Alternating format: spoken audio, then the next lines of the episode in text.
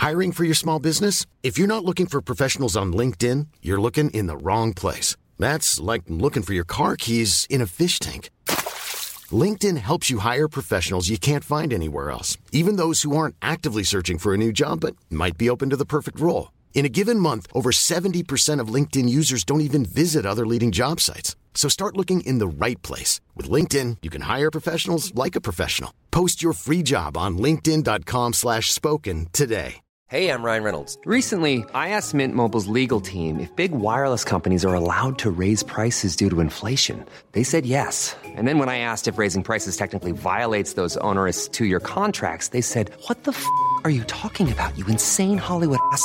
So to recap, we're cutting the price of Mint Unlimited from $30 a month to just $15 a month. Give it a try at mintmobile.com slash switch. $45 upfront for three months plus taxes and fees. Promo for new customers for limited time. Unlimited more than 40 gigabytes per month. Slows. Full terms at mintmobile.com. Hi, this is Paige from Giggly Squad, and I want to talk to you about Splash Refresher and my water intake. Okay, so you guys obviously know that I'm a hydrated girly, but sometimes when you drink that much water, it starts to just taste bland, and you're just like, I need something to spice it up. That's why I love Splash Refresher. It has zero sugar, zero calories, and it's a splash of sweetness. And they come in five different flavors. They're so good. Wild berry, acai grape, pineapple mango, lemon, and mandarin orange. My favorite is the wild berry because I just I just love a berry. So if you're like me and you're drinking water all day, then try Splash Refresher. It's going to absolutely change your water game and it's good for you. Hei, og velkommen til Bak scenen. Jeg heter Trond Harald Hansen, og i denne podkastserien skal jeg finne ut hva som skjer på baksiden av norsk showbiz-bransje. Og i dagens episode får jeg besøk av en P3-profil med en veldig interessant karriere. Han starta med nettradio på midten av 2000-tallet. Han jobber nå for NRK, er inne i sitt femte år med verdens rikeste land. Du hører podkasten Bak scenen. Jeg har kjøpt Urge og gleder meg til radioprat med Niklas Baarli. Bak scenen med Trond Harald Hansen. Niklas Baarli, Hei, velkommen hit. Tusen takk. Takk for at jeg fikk komme. Jo, bare hyggelig. Hyggelig å komme i en podkast. Jeg er jo altså jeg er vant til å komme på radio, men eh, nå kommer jeg i podkast. Det er veldig ålreit. Stilig. Ja, veldig stilig. Hvordan var det du oppdaga at radio det, det var noe som var veldig kult, at det skulle bli levebrød, da, som det etter hvert blei? Ja, det det oppdaga jeg tidlig, du. Eh, Jeg var vel Hvor gammel var jeg første gang jeg lagde en eh, radiosending? Jeg var 14, 13 kanskje? Jeg og en kompis som, som oppdaga Winamp og nettradio.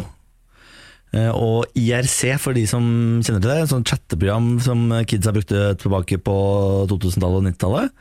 Og Der oppdaget vi en verden som het nettradio. Jeg så jeg, Herregud, jeg kan sitte og, og gjøre tulleting på radio, og så må folk høre på det. Eh, og Så bygde jeg et hjemmestudio da jeg var 14 med fattern, og siden har jeg på en måte aldri sett meg tilbake, aldri slutta.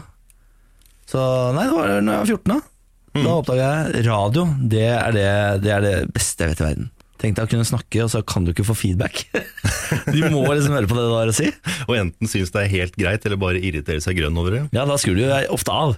Eller hvis de irriterer seg nok, så blir de jo værende, og det blir gode god lyttertall av det. Men nettradio det var jo et eget fenomen som oppsto øh, kanskje rundt 2003-2004. Jeg oppdaget det i hvert fall i 2005. Det var kanskje rundt der, ja. ja. Når var det? Hvor var jeg 28 nå, da? Født i 89, hvor gammel var jeg da? da? 15, da. Ikke sant, Jeg kan ikke det matte, så du må hjelpe meg her. 2004, 14, 14, 2004, da var jeg 15 år. Ikke sant, 15 år. Da oppdaga jeg nettradio, og det, men det finnes jo enda, tror jeg. Dette nettradiomiljøet. Jeg tror de holder på ennå. Jeg tror det er noen igjen, Ja. men det var noen Tono-grammo-utgifter som eh, tok knekken på veldig mange for noen år tilbake. Tono- Grammo-utgiftene. Det er veldig dårlig. Ja, men jeg husker vi fikk amnesti fra det en gang. Jeg trodde det, liksom, det amnestiet gjaldt ennå. Fordi i- fram til du hadde så og så mange lyttere, så gadd ikke Tono og Gram å bry seg. Nei. Eh, men det er mulig de har blitt strengere igjen. Det har de helt sikkert blitt. Tror kanskje det var sånn i starten, for nå tror jeg det koster et par og 20 tusen i, i året, skjønner du, og da er det litt Hva sånn er det du sier? Sier du det? For å ødelegge gleden til kids? Og det er det samme om du sender for ti stykker, eller om du heter eh, NRK og sender til eh, Det er det villeste jeg har hørt. 10 000. Nei, Da må Grammo og Tono ta seg sammen.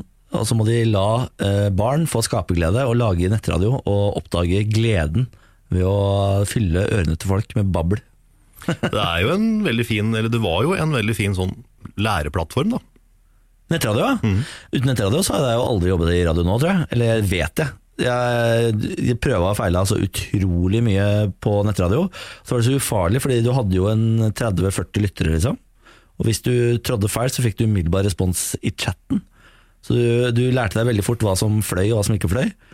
Eh, Og den eh, lærdommen tror jeg veldig, har kommet veldig veldig, veldig godt med opp gjennom åra. Altså. Tror jeg fortsatt bruker masse av det jeg lærte på nettradio på radio i dag. Sånn som å tøye strikken eh, riktig.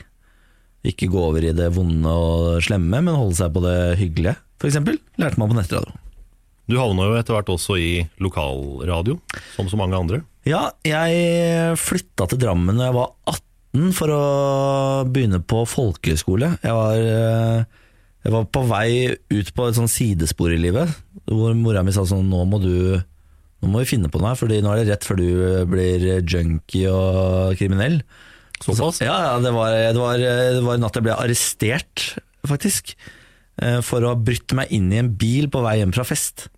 Nei, nei, nei. nei. Eh, og det, jeg hadde ikke noe fornuftig å gjøre i den bilen. Jeg bare satte meg inn i bilen og satt der til politiet kom. Og så sa de nå er det jeg på glattcella, og så lå jeg på glattcella og tenkte sånn nå er livet over. Eh, nå har jeg havna så ute som det går an, går an å bli. Du er 18 år på glattcelle, det er ganske skummelt.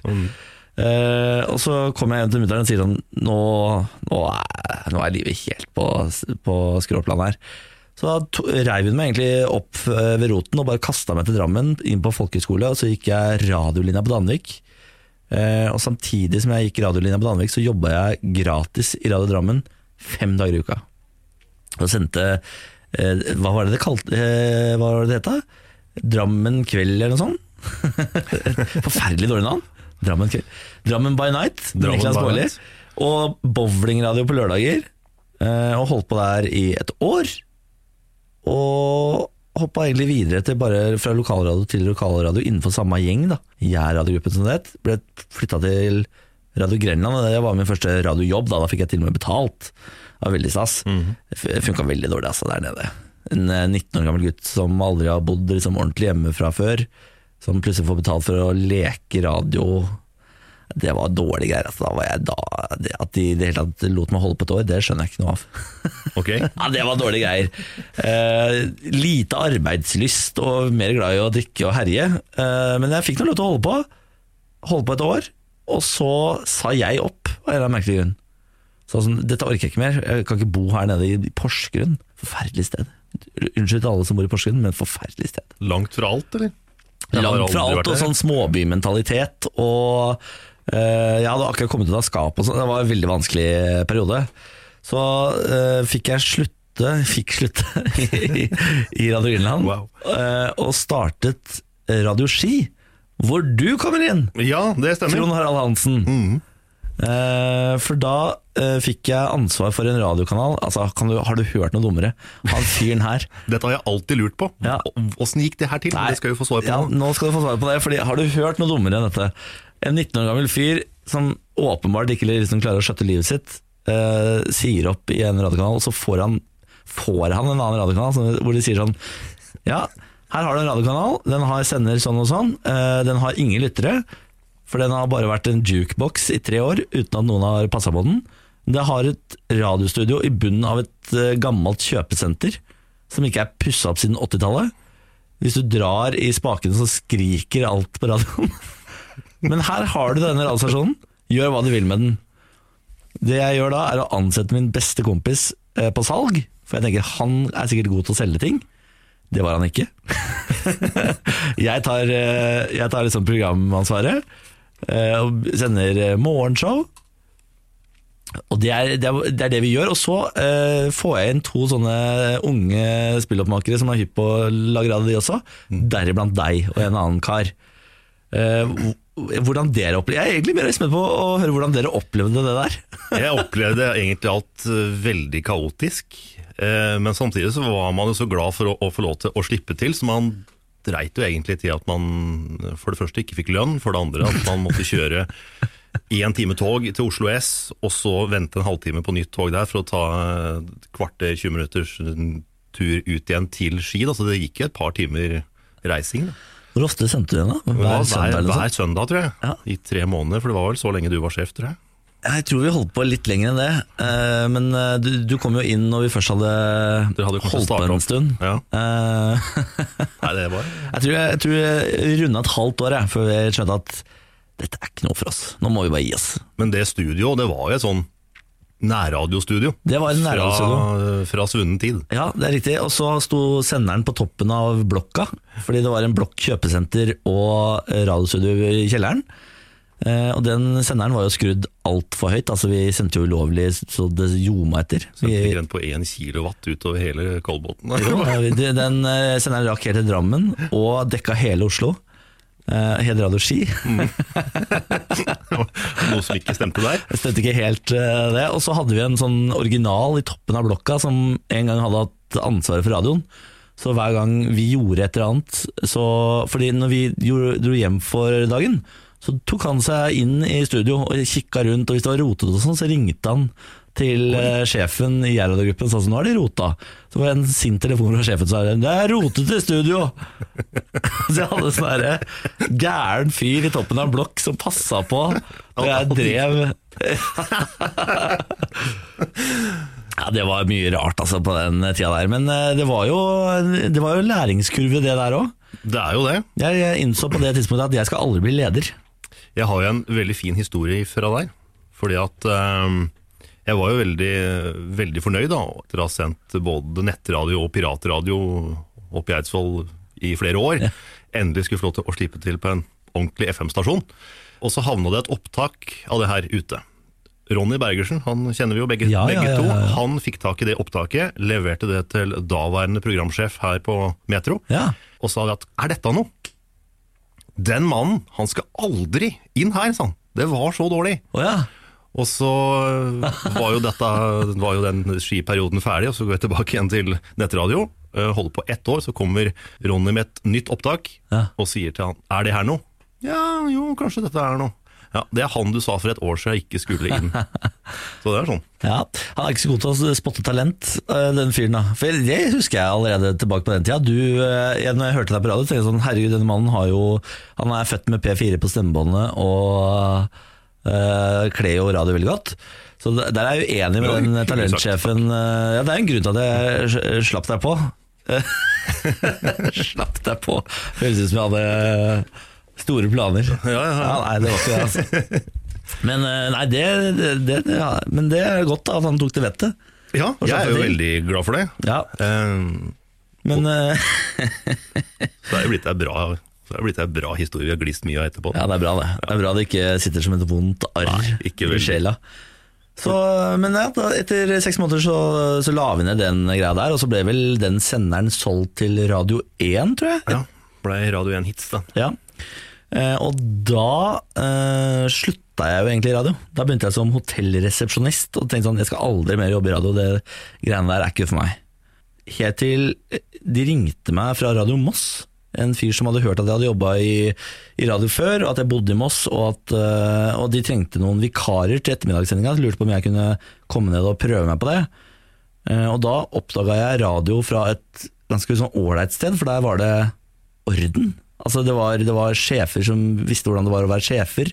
Det var timelister, man fikk ordentlig betalt. Man kom og gjorde radio, og så gikk man igjen. Og da tenkte jeg sånn, herregud, jeg kan ikke leve uten dette. Hva faen, har jeg holdt på å gå bort fra dette? Så sendte jeg Radio Moss i en måned, halvannen, og så ringer NRK og lurer på om jeg har lyst til å begynne å jobbe på Tyholt. Og Det var ca. samme måte som deg, egentlig. Jeg tror det var Ronny Bergersen som hadde tatt opptak av, opptak av en sending eh, på Radio Moss og lagt den ut eh, på Radio Assistant, som er en bransjenettsted for radio. Så hadde P3-sjefen hørt det og tenkt sånn Dette er en fyr som kanskje har noe nedi der et sted, hvis jeg pusser litt på det. Oi. det lyder fra hals. Så det er egentlig sånn jeg havna i P3, altså. For sju år siden. Det er jo jævla stille, da. Du er egentlig ferdig, og så Ja, ringer NRK, liksom. Ja, det var eh, flaks der. Jeg kunne fortsatt stått på et sånt eh, dårlig brunt hotell bort på Høvik og sjekka inn folk isteden. Jeg er veldig fornøyd med at det ble radio. Altså. Nå har jeg, men eh, jeg er også veldig glad for at jeg fikk det halvåret på hotellet, fordi da skjønte jeg hva det egentlig vil si å jobbe. En, sånn, en ekte jobb. Nattevakt, det er tungt, ass. Det er blytungt, det. Det blir tungt. Så da ble plutselig all radiojobb bare lekende lett. Og tenkte sånn, hva er det jeg drevet med før? Hvorfor gjorde jeg ikke noen ordentlig innsats i Grenland? Hvorfor starta jeg ikke radioski skikkelig? For eh, det kan jo handle om at jeg var 19 år og apekatt, da. Sent utvikla. Men du hadde vel en god del timer på lufta òg, i eh, både Radio Ski og Radio Ja, Grenland? ja, radio, ja, absolutt. Jeg sendte jo eh, En periode sendte jeg jo både morgen og ettermiddag i Grenland. Det var fire timer morgenshow, så var det tre timer ettermiddag. Så det var jo ganske mange timer radio. Masse, masse, masse. Og det er, jo, det er jo sant at øvelse gjør mester, kanskje. Eller øvelse le- legger i hvert fall grunnlag. Eh, problemet vet du, med lokalradio sånn er at det er jo ingen som forteller deg hva du gjør gærent. Du bare får lov til å holde på. Så du, blir jo liksom, du stagnerer jo sabla fort. da Så lenge det er lyd der, så er det egentlig det er jævla bra. ja, det er, det er bra. Herregud, du er jo på i dag igjen. Kjempebra. Veldig bra. Og så eh, husk å si at det skal regne i morgen. Og det er kø på, det er kø på E18. Husk å si det, så blir det bra der. Eh, Så lokalradioen var bra sånn sett, at jeg fikk mange timer på baken, men eh, noe, noe god på radio tror jeg ikke jeg ble før jeg fikk noen år på baken i P3. Altså. For da kommer man til et miljø hvor folk plutselig hører på deg. Sjefer er engasjert i hvordan du leverer varene, altså hvordan du bygger opp stikk, hvordan du tenker, hvordan du eh, har eierskap til låtene. Sånne ting som er viktig i radio, som man ikke tenker på hvis man ikke får beskjed om det. Så når jeg hadde fått eh, sendt P3 et par år, og sjefen hadde sagt sånn 'dette er bra, dette er dårlig, dette er kjempedårlig, her må du jobbe masse', så begynner det å skje ting. da Så får man jo får man utvikla talentet sitt til å kanskje bli etter hvert ålreit. Så det har jeg holdt på med nå, i noen år. I sju år. I sju år. Du starta i P3 og NRK MP3. Ja, stemmer. Jeg var eh, DJ i P3 først. Ble egentlig ansatt som det for å sende helgeflatene. Men så hata jeg P3-musikken. altså jeg synes Forferdelig uh, syns jeg musikken på P3 var. Så jeg gikk til sjefen og sa sånn du, Jeg hadde kledd mye bedre å sende MP3. Kan ikke jeg få lov til det? Så sa han sånn «Eh, Det er første gang noen noen gang har spurt meg om å bli tatt av P3, men å bli satt på MP3, den lille søsterkanalen. Er du sikker på det? Så, ja, det tror jeg er ganske sikker på. Ja, jeg skal, jeg skal se om jeg kan få flytte noen penger. Så på en eller annen merkelig måte så fikk han satt meg på morgenen på MP3, eh, hvor jeg satt helt mutters aleine tre timer hver eneste dag og sendte hitradio, som var det morsomste jeg kunne tenke meg på det tidspunktet. Det var så utrolig gøy. Og det holdt jeg på med i var det to-tre år, da. Og så ble det ledig jobb i verdens rikeste land. Eh, og da begynte jeg egentlig å føle meg litt ferdig med morgenen på MP3, for da hadde jeg sendt der aleine i to-tre år. og Det blir jo ensomt etter hvert, det også. Det blir vel det. Eh, så får jeg plutselig en mail fra Eirik Stokstad Brøholt, som er vaktsjef i Verdens rikeste land, og var det da, som sa sånn Hei, du har ikke vurdert å søke på den jobben her, da? Og så med link til denne jobben som Stian Blipp en gang hadde. For eh, det var jo Mathias Nylenda og Stian Blipp som starta Verdens rikeste land, hvor jeg jobber i dag. Eh, Men Blipp hadde da fått jobb i TV 2 og skulle over og bli kommers eh, Norske Talenter-programleder. Mm. og så tenkte jeg sånn, ja fader, vil jeg det da? Lage sånn her bableradio. Jeg likte jo aldri radio hvor de snakka over to minutter. Det var liksom min innebygde klokke, jeg skal ikke snakke masse på radio. Folk vil høre musikk, for faen.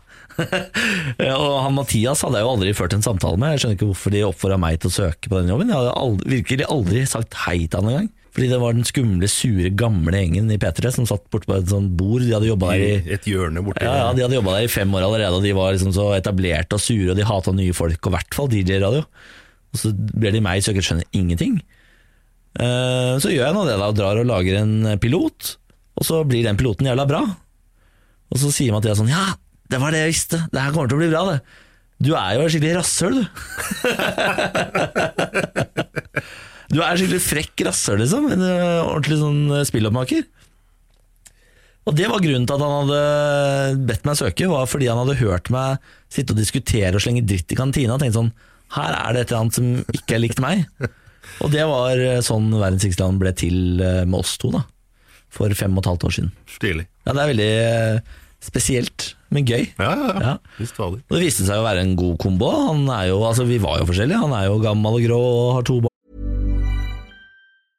Hey, I'm Ryan Reynolds. Recently, I asked Mint Mobile's legal team if big wireless companies are allowed to raise prices due to inflation. They said yes. And then when I asked if raising prices technically violates those onerous two year contracts, they said, What the f are you talking about, you insane Hollywood ass? F- So to recap, we're cutting the price of Mint Unlimited from $30 a month to just $15 a month. Give it a try at mintmobile.com slash switch. $45 upfront for three months plus taxes and fees. Promo rate for new customers for limited time. Unlimited more than 40 gigabytes per month. Slows. Full terms at mintmobile.com. I'm Sandra, and I'm just the professional your small business was looking for. But you didn't hire me because you didn't use LinkedIn jobs. LinkedIn has professionals you can't find anywhere else, including those who aren't actively looking for a new job but might be open to the perfect role, like me. In a given month, over 70% of LinkedIn users don't visit other leading job sites. So if you're not looking on LinkedIn, you'll miss out on great candidates like Sandra. Start hiring professionals like a professional. Post your free job on linkedin.com slash spoken today. Har nå stasjonsvogn og skal begynne å jobbe i P2 nå, liksom. Jeg, eh, på den tida hadde jeg vel akkurat slått opp med typen og var aleine og festa hver eneste dag. Kledde meg godt og var homo, så altså, vi var forskjellige på alle mulige måter. da. Rake motsetninger. Ja. Så det funka veldig bra. Nå har jo han øh, slutta. Så blir det Tuva Fellmann, da. Det blir øh, spennende. Det blir et annet type program. Men du har jo fått øh, vært med på utrolig mye, da. Blant annet P3-aksjonen. Ja, det, men P3-aksjonen kan jeg nesten snakke om i, ti, altså det kan jeg snakke om i en uke i strekk, tror jeg. Uh, for det er det morsomste jeg gjør i løpet av et år på P3, det er P3-aksjonen. Eh, det har jo blitt sånn intern prestisje å få lov til å gjøre P3-aksjonen. Man går rundt og håper på at man skal bli spurt. Eh, jeg går rundt og håper på at jeg blir spurt nå, for jeg har fortsatt ikke blitt spurt om årets P3-aksjon. Men eh, det er utrolig gøy. Det er 100 timer radio fra et eh, glassbur et eller annet sted i landet. Det har ofte vært i Oslo, men nå, de siste årene har det vært i Trondheim. Eh, og så er det til inntekt for TV-aksjonen det året. Så i fjor så var det til inntekt for eh, Var det Røde Kors i fjor? Eh, ja, det var det. Røde Kors. Eh, og da står man i 100 timer, gjør masse sprell, masse faenskap, spiller masse musikk, får masse livemusikk, får masse gjester. Og så øker man bevisstheten til unge folk om et tema som de vanligvis kanskje gir litt faen i. Men så lenge man gjør det på vi kaller det P3-måten, breialt nok, så ser det ut til at det liksom fenger unge, selv om det er litt tørt og kjedelig egentlig i bunnen der. Så man gjør det spenstig nok, så gidder de å liksom forholde seg til det. Og så donerer altså unge folk helt utrolig mye penger i løpet av de 100 timene. Hva var det nå sist? da? 1,3 millioner kroner, tror jeg. Som er ny rekord. Vi har slått rekorden hvert eneste år. Det blir bare mer og mer penger. Og det er, eh, det er kanskje det som gjør det så utrolig gøy, fordi det er unge folk som ikke har så mye penger, som ender opp med å donere en masse penger til folk eh, til en sak som de vanligvis hadde gitt faen i, men det betyr masse for noen andre folk et eller annet sted i verden. Og de føler at de er med å gjøre en forskjell, og vi får lov til å være der og, og, og se på og være med og, og lage litt liv og røre. Da. Det er utrolig gøy, altså. Det viser jo at det har en appell, da. Ja, veldig. Eh, Det er jo også veldig gøy å se lyttertallene til P3-aksjonen, fordi P3 har jo aldri flere lytta minutter enn under P3-aksjonen. Altså Lyttertiden går opp så utrolig mye. Vanligvis har man en er det en 13-15 minutter gjennomsnittlig eh, radiolytting. Mens under P3-aksjonen så tror jeg vi er nesten oppe i 40 minutter gjennomsnittlig radiolytting. Det er utrolig lenge. Det er veldig gode tall. Ja, det er utrolig gode tall, og i løpet av en uh, P3-aksjon så er vi godt over en million, altså en million lyttere. Det er, altså det er så utrolig stort. Og folk som hører på, de føler at de ikke kan skru av fordi de er redd for å gå glipp av noe. Man lager en sånn boble som alle blir inkludert i, som er utrolig gøy. Og så, så jeg vet fader, Det er de eneste gangene jeg føler at jeg gjør en forskjell i mitt liv. Jeg er jo egentlig en fyr som driter litt i bistand, ikke sant. Jeg er jo en egoistisk faen. Men akkurat under P3-aksjonen så klarer til og med P3 å røre et eller annet til meg da, som gjør at jeg begynner å brenne for en eller annen sak som er større enn meg sjøl. Så det, og det tror jeg vi, Den følelsen tror jeg vi klarer å overføre til ganske mange andre også. Det her har jo annet ført deg ned til tjukkeste Afrika. Ja visst, vi dro til Etiopia. Det er tre år siden, tror jeg. Da var det Vann og Kirkens Nødhjelp som hadde TV-aksjonen. Eh, og Etiopia er jo et av de landene som eh, veldig ofte blir ramma av eh, tørke når det er varme perioder på kloden. Men, men det man ikke vet om Etiopia, er jo at Etiopia er jo et av de landene med mest vann i Afrika. Det ligger bare litt langt under bakken.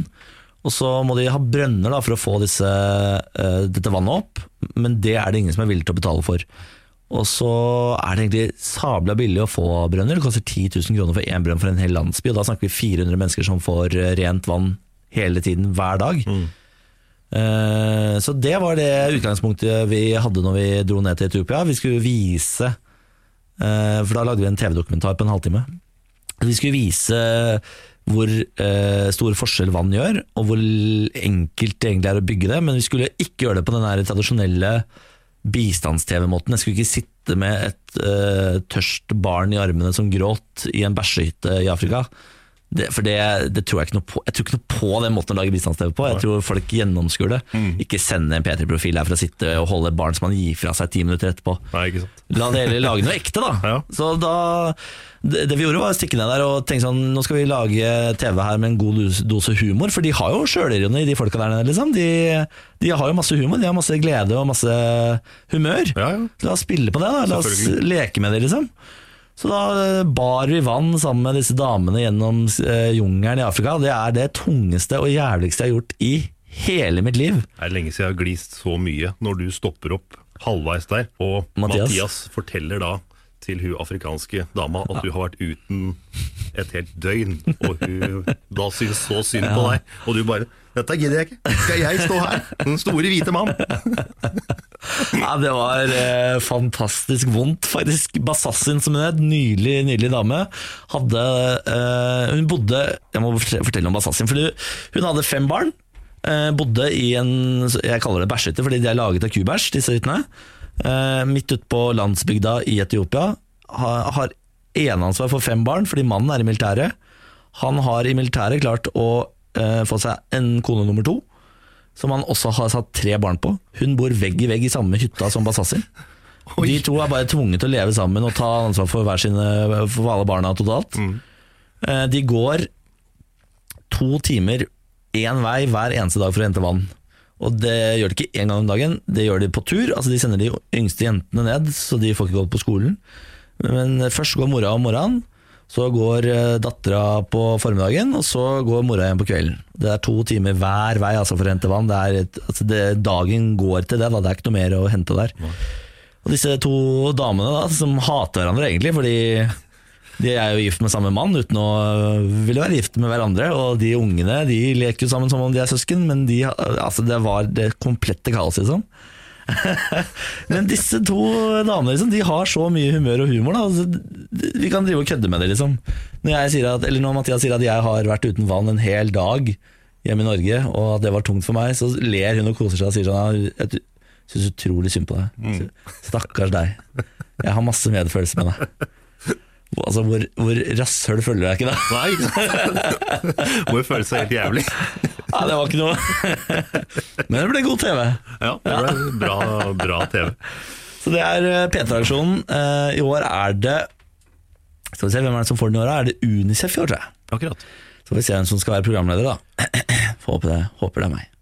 For da kanskje jeg kan få en ny sveis og slippe å ha øyenbryn og sånne ting. Hvordan er det man lader opp til 100 timer eh, live radio, og hvordan er det man avreagerer etterpå? Ja, akkurat det med å lade opp er jeg dårlig på, altså. Fordi jeg kjører jo på Vi er jo, vi er gjerne på fylla dagen før, for det er dagen programlederne møtes. Det er jo ofte to fra Oslo og to fra Trondheim som møtes, og da skal man liksom feire at nå skal vi snart i gang, så da går vi jo på fylla dagen før, og så skal du inn i studio og holde på i 100 timer. Så akkurat den oppladninga er jeg ganske dårlig på, men jeg er veldig god på å koble av når jeg er ferdig.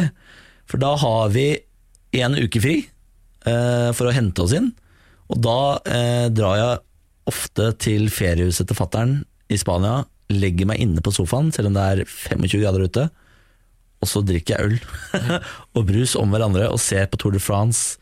Eller hva Jo, er det ikke Tour de France? Nei, det er på sommeren. Det er på sommeren. Ja, hva er det jeg driver med på Jo, da ser jeg på utrolig dårlig norsk daytime-TV. På, for han har norske kanaler nede på, i det spanske feriehuset sitt. Home and away. Og Ja, ja, åh, nydelig. Nydelig. Og jeg gjør ingenting. Jeg gjør ingenting. Og alt rundt meg er jo stengt, fordi det er jo ikke noe feriesesong.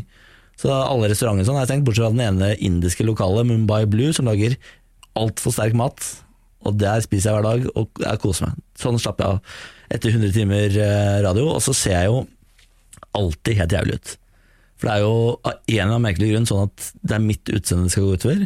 I fjor fikk jeg kanskje den styggeste hårsveisen i mannens minne, en munkesveis med to sånne fletter helt i front på panna, og tok øyenbryna mine. Og hvis du ikke har sett et menneske uten øyenbryn før, bare ta så google det nå, se, og det er, man er ikke pen. Jeg så ut som jeg var dødssyk, for det første. En feit, dødssyk fyr. sa jeg sånn. og dødssyke folk skal ikke være feite. Altså, det var, altså, alt var gærent med det bildet. Jeg, jeg hadde på meg sånne falske briller i tre måneder etterpå, så plutselig var øyenbrynene sånn cirka tilbake. da. De er fortsatt ikke helt tilbake. Det blei vel sagt at det skulle ta to dager, mener jeg. Ja, de lurte Han sa jo det, for jeg, hadde, jeg skulle bli eh, drag queen. Så vi hadde fått inn en profesjonell drag queen som skulle lære meg hvordan man ble drag queen. Han skulle sminke meg opp og dresse meg opp. Og så sa han ekte drag queens tar øyenbryna, Niklas. Så jeg sa nei, det kan jeg ikke gjøre, det kan du ikke mene. Så jo, jo, ekte eh, drag queens tar øyenbryna. Og så sa jeg sånn, ja vel, hvis ekte drag queens tar øyenbryna, så tar jeg øyenbryna. Så hvor lang tid tar det da? To dager, så er det tilbake. Kom igjen, da. Må du, må du bruke huet, Niklas. Du skjønner jo at det ikke tar to dager før øyenbrynene er tilbake. Men i den bobla jeg var, jeg, ok, det er tilbake om to dager. Og mens jeg, mens jeg eh, begynner å barbere øyenbryna, så, så får da produksjonen med seg at jeg er i ferd med å ta øyenbryna. Og det var ikke planlagt. Det, var- det var avtalt at jeg ikke skulle ta øyenbryna, for det, altså det blir for voldsomt. da. Så produsenten ligger på telefonen til eh, assistenten som var med ut for å filme dette her, og prøver å få, få meg til å stoppe. Du må stoppe han! Må stoppe han! Han kan ikke ta øyenbryn! Må ikke ta øyenbryna! Men innen han kommer fram på telefonen og får sagt ifra, så har jeg da tatt det ene øyenbrynet. Så har jeg valget. Da skal jeg gå rundt der med ett øyenbryn. ett øyenbryn Eller skal jeg bare ta begge? Så da ble det begge. Ja. Og det kommer jeg aldri til å tilgi den der eh, drag queenen for. At han fikk meg til å ta øyenbryna for så stygg i så lang tid. Har jeg aldri vært før. Det var, altså, det var så utrolig lite pent. Det var så stygt. Gud hjelpe. Hva gjør man ikke? Nei, hva gjør man ikke? Hva gjør man ikke for litt bistandskroner? Ja. Nei, vi fikk jo 1,3 millioner, da, så det var verdt det. Hvis du skal komme med et, eh, et råd til eh, de som eh, er gryende radiospirer, hvis det er noen igjen Ja, det der, ja. Mm. Ja, det er vanskelig. Det er jo ikke så veldig mange sånne underskoger å starte i lenger, føler jeg. Jeg du føler kanskje jeg og du var de siste som kunne gå gamleskolen. Som hadde noen steder å starte, om vi ikke hadde det, så skapte vi det sjøl. Kanskje det er der man starter starte da. Starte en nettradio og holde det gående og bare sende for ingen. Det er det vi gjorde. Altså, det var ingen som hørte på. Så Nei, det liksom, lyttertallene var jo ekstremt små. Du var jo kjempeglad hvis du kom over, hvis du kom over 50 stykker som hørte på. Da var da det jo var det, himmelen. Herregud, for en god sending. nyttårsaften og julaften ja, ja. på samme dag. Det, det var jo helt vilt. Jeg husker lytterrekorden min på nettradio var 400 lyttere, og da drev jeg med tulletelefoner. Da eh, Stoltere har jeg aldri vært, tror jeg. Det tror jeg faktisk har et opptak av en av de der, Det. En av de der Sånn det telefonene. Det orker vi ikke. Så gøy skal vi ikke ha Nei, det. så gøy skal vi ikke Så gøy skal vi det. ikke ha det. Å, fy fader, jeg ble helt svett. Å, for meg. Jeg har nemlig hørt noen av de der i ettertid. Jeg tror du ringer til en svenske Ja, det er jo det mest populære klippet. Var veldig populært en stund. Det er forferdelig. Og, og gud hjelpe meg. Da er jeg 15-16 år. Satan. I, I stemmeskifte. Veldig stemmeskifte. Det er ingen av oss tror jeg, som har lyst til å høre igjen de tingene fra da man var 15-16. Jeg har noe av meg sjøl da jeg var ja. 15-16.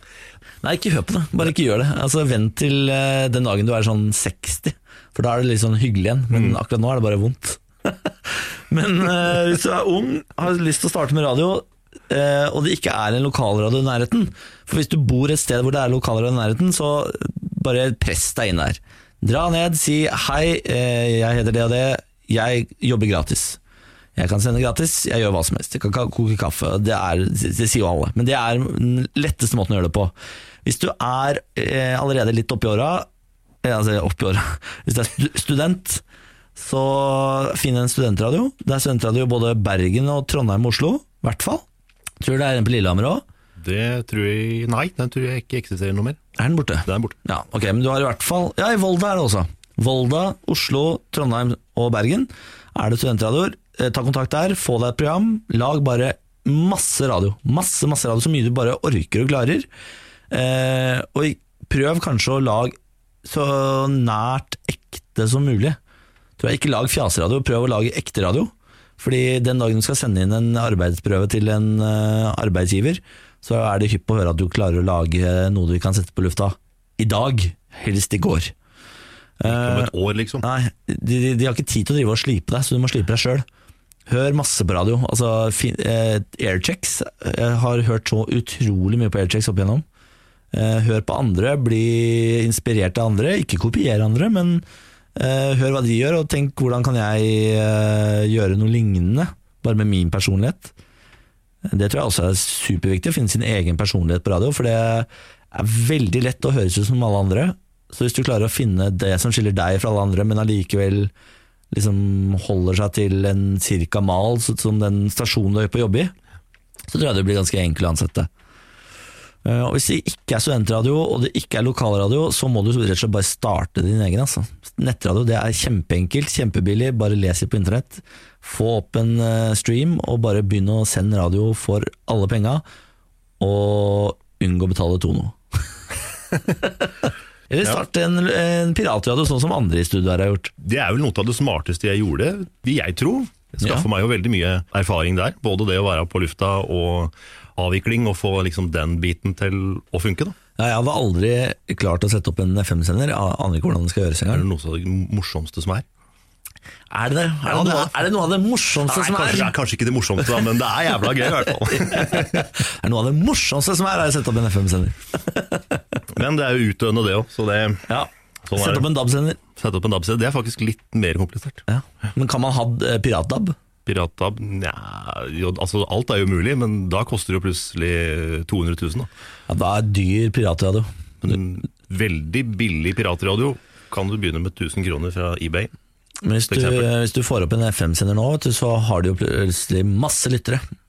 For folk har jo fortsatt FM-radio. Altså, du, du skal bare gjette hvor mange lyttere Radio Fosen plutselig har fått opp i Trondheim. Liksom. Det er ikke fordi de har laget plutselig kjempegod radio, det er bare fordi det er det, det er det eneste som er igjen på FM-båndet der oppe. Energy og Fosen. Så gjør som de gjorde i gamle dager. Putt en FM-sender på en båt, seil ut til Oslofjorden og send derfra. Det tror jeg kan bli veldig mye interessant radio. Jeg hadde jo faktisk piratradio i samsending med en som holdt på med, med det her. Hadde det? Han sendte på 90,5, det er den frekvensen Energy har i, Ja, i, i, i dag. Men sommeren 2008 så var den ledig, etter at NRK hadde slått an. Ja. Og da Det var 2008, ja. Da fant de plutselig hverandre, og så var det samsending med piratradio fra Romerike med piratradio i Oslo. Hvilken, eh, hva het kanalene? Min? Ja, Ja, min heter Radio Pluss. Radio Pluss. Ja. Radio Plus. Og hva het hans, husker du? Husker ikke. Tror ikke han hadde noe spesielt navn. Du, du hadde sendinger òg, eller? Jeg hadde sending 24-7. jeg. Du hadde? Ja, ja. Ja, det er sånn, ikke sant? Har man såpass mye passion, så kommer du deg til slutt til radio. Se på deg sjøl. men pass deg for Post- og teletilsynet, Ja, det blir dyrt. for de, de kommer. Det blir fort dyrt. Mm. Nei, eller ikke for meg. Jeg, Du slapp unna? Jeg slapp unna. De syns det var sjarmerende, Men jeg la meg jo helt flat, da. Ja, lurt det. Det er veldig lurt. Ja, ligger her flat hva? inte meg i bot snö. Inte, gjøre det. Jeg har bare lage radio. Ja, jeg har bare en liten kille som elsker det her, va. Jeg sier tusen takk for at du stakk innom. Ja, herregud, tusen takk for at jeg fikk komme innom. Utrolig hyggelig. Det at jeg kan sitte her og bable om meg sjøl, bedre blir det jo ikke. Det blir ikke det. Takk for urgen. Jo. Det var veldig snilt. Det skulle bare mangle. det var min prat med kollega Niklas Baarli. Du har hørt podkasten Bak scenen, podkasten som lar deg få vite mer om hva som skjer på baksiden av norsk showbiz-bransje. Husk at du finner flere episoder på iTunes eller andre steder du henter podkast ved å søke opp Bak scenen. Lik Bak scenen på Facebook ved å søke opp Bak scenen, og følg med. Plutselig kommer en helt ny episode.